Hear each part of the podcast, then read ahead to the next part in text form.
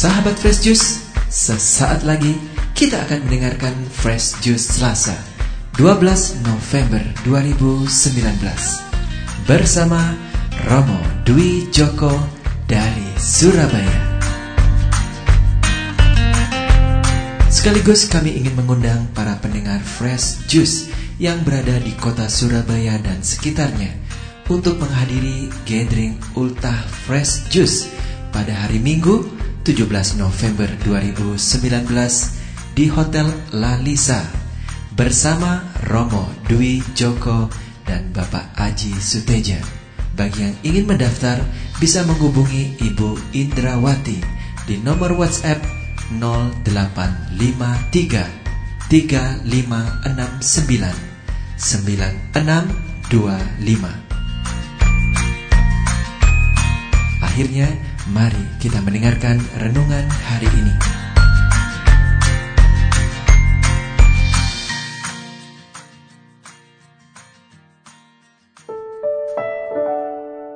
Para sahabat Fresh yang terkasih, selamat pagi, selamat berjumpa kembali. Salam damai dalam kasih Tuhan. Para sahabat, hari ini Selasa 12 November 2019 Peringatan Santo Yosafat, Uskup dan Martir. Kita akan mendengarkan renungan yang diambil dari Injil Lukas, bab 17, ayat 7 sampai dengan 10. Mari sejenak kita membuka hati untuk mendengarkan sabda Tuhan. Yesus bersabda kepada para murid, Siapa di antara kamu yang mempunyai seorang hamba yang membajak atau menggembalakan ternak baginya akan berkata kepada hamba itu setelah ia pulang dari ladang, "Mari segera makan." Bukankah sebaliknya ia akan berkata kepada hamba itu, "Sediakanlah makananku, ikatlah pinggangmu dan layanilah aku sampai selesai aku makan dan minum. Dan sesudah itu, engkau boleh makan dan minum. Adakah ia berterima kasih kepada hamba itu karena hamba itu telah melakukan apa yang ditugaskan kepadanya? Demikian jugalah kamu.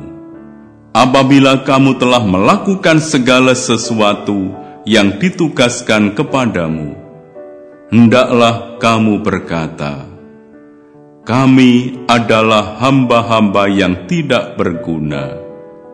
Kami hanya melakukan apa yang kami harus lakukan."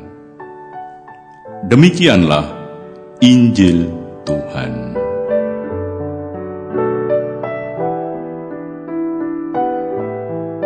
Para sahabat, orang yang memulai dan mengakhiri sesuatu tepat pada waktunya, jelas telah menunaikan tugasnya. Orang tersebut dapat berkata, "Kami telah menunaikan tugas kami." Dan itulah kewajiban.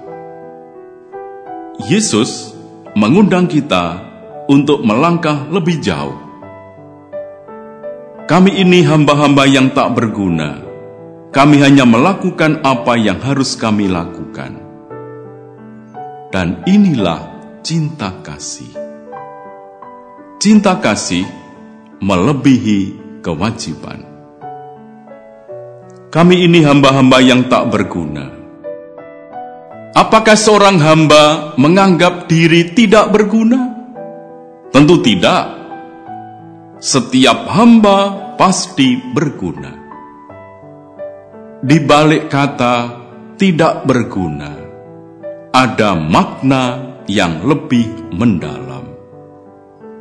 Kalau seorang hamba berhati sombong, meninggikan dirinya, biarpun bekerja keras, dalam arti tertentu dia memang tidak berguna. Justru pemikiran inilah yang ada dalam hati Yesus ketika ia berbicara tentang hamba yang tidak berguna.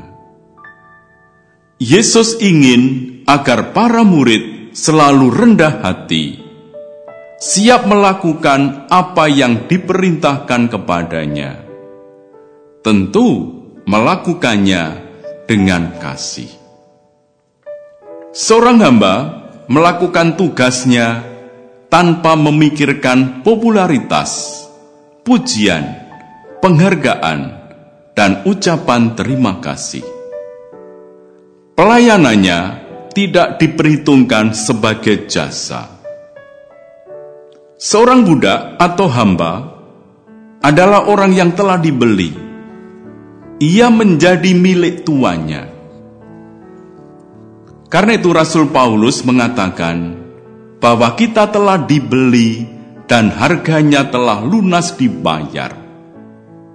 Berarti kita adalah milik Tuhan. Kita adalah hamba Tuhan. Dalam konteks pelayanan, kita menempatkan diri sebagai hamba. Kita menjalankan pelayanan dengan bersyukur bahwa kita diberi kesempatan untuk mengabdi dan melayani Tuhan. Kita melakukan segala sesuatu bukan untuk manusia, melainkan untuk Tuhan. Sebagai hamba Tuhan, kita tidak perlu marah atau kecewa bila tidak ada orang yang mengingat nama kita. Tidak ada orang yang memperhitungkan dan menghargai pelayanan kita.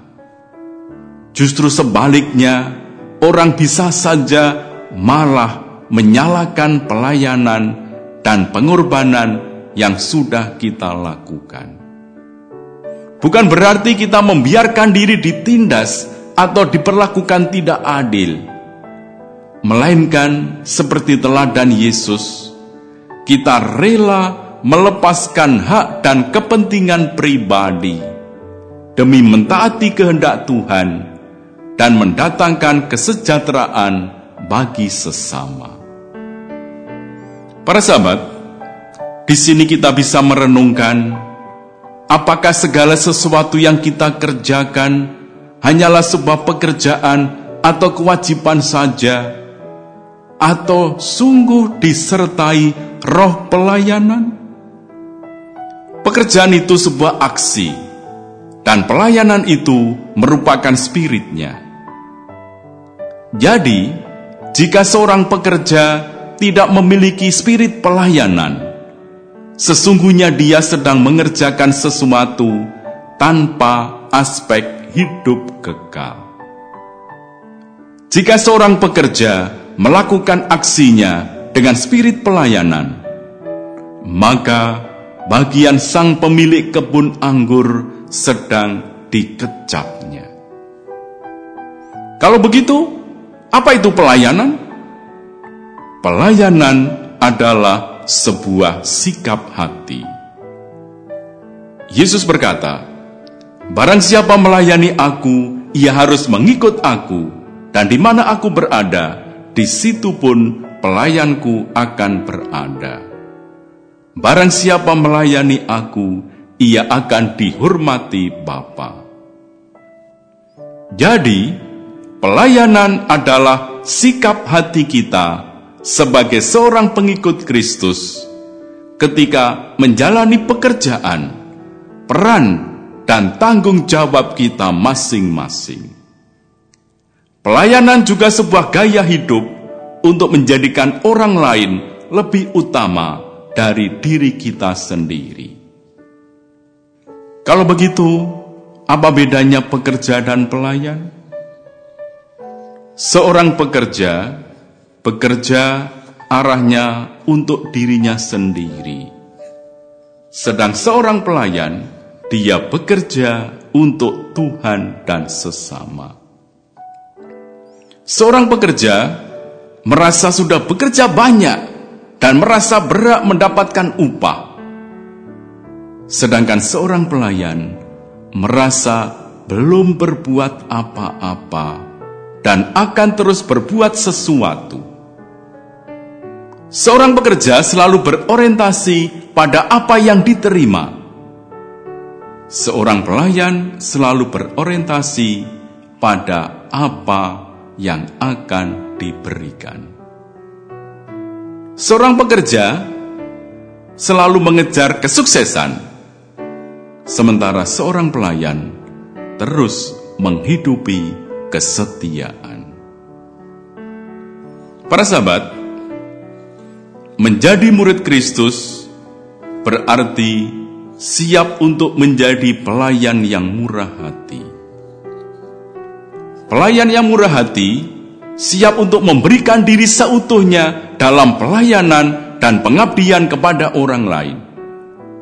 Diperlukan sikap hati yang sukarela, gembira, semangat, dan penuh sukacita. Pelayan yang murah hati memiliki hidup yang berkualitas. Hidup yang berkualitas itu berarti menghidupi nilai-nilai keutamaan sebagaimana diharapkan dalam surat Paulus kepada Titus, yaitu hidup saleh, bijaksana, suci, sederhana, rendah hati, tekun, dan sukacita. Nilai-nilai keutamaan yang dihidupi itu pun harus diwujudkan dalam pelayanan kepada sesama dengan totalitas, rendah hati, sukarela, setia, sebagaimana diungkapkan Yesus dalam Injil tadi. Hendaklah kalian berkata, kami ini hamba-hamba tak berguna. Kami hanya melakukan apa yang harus kami lakukan. Menjelang kematiannya, Santo Fransiskus Assisi memberikan pesan kepada para saudaranya. Aku telah melakukan apa yang mesti kulakukan. Biarlah Kristus mengajar kamu apa yang harus kamu lakukan selanjutnya. Para sahabat, semoga kita pun juga mampu untuk menempatkan diri sebagai hamba satu sama lain dan saling melayani dengan semangat ketaatan dan kerendahan hati. Marilah berdoa. Ya Tuhan, ajarilah kami hidup dari iman. Gembirakanlah kami karena kasih setiamu yang telah nampak di tengah kami dalam diri Yesus. Jadikanlah diri kami sebagai hamba dan sahabatmu yang berkarya dan tidak mengharapkan ganjaran selain daripada dirimu sendiri. Sebab engkaulah Tuhan dan pengantara kami, kini dan sepanjang masa. Amin. Tuhan bersamamu. Semoga saudara sekalian dibimbing, dilindungi, dan dikuatkan oleh berkat Allah yang Maha Kuasa, Bapa dan Putra dan Roh Kudus. Amin. Sahabat Fresh Juice, kita baru saja mendengarkan Fresh Juice Selasa, 12 November 2019. Segenap tim Fresh Juice mengucapkan terima kasih kepada Romo Dwi Joko untuk renungannya pada hari ini. Sampai berjumpa kembali dalam Fresh Juice edisi selanjutnya lupa mendaftar Gathering Ultra Fresh Juice di Surabaya. Tetaplah mengucap syukur dan salam Fresh Juice.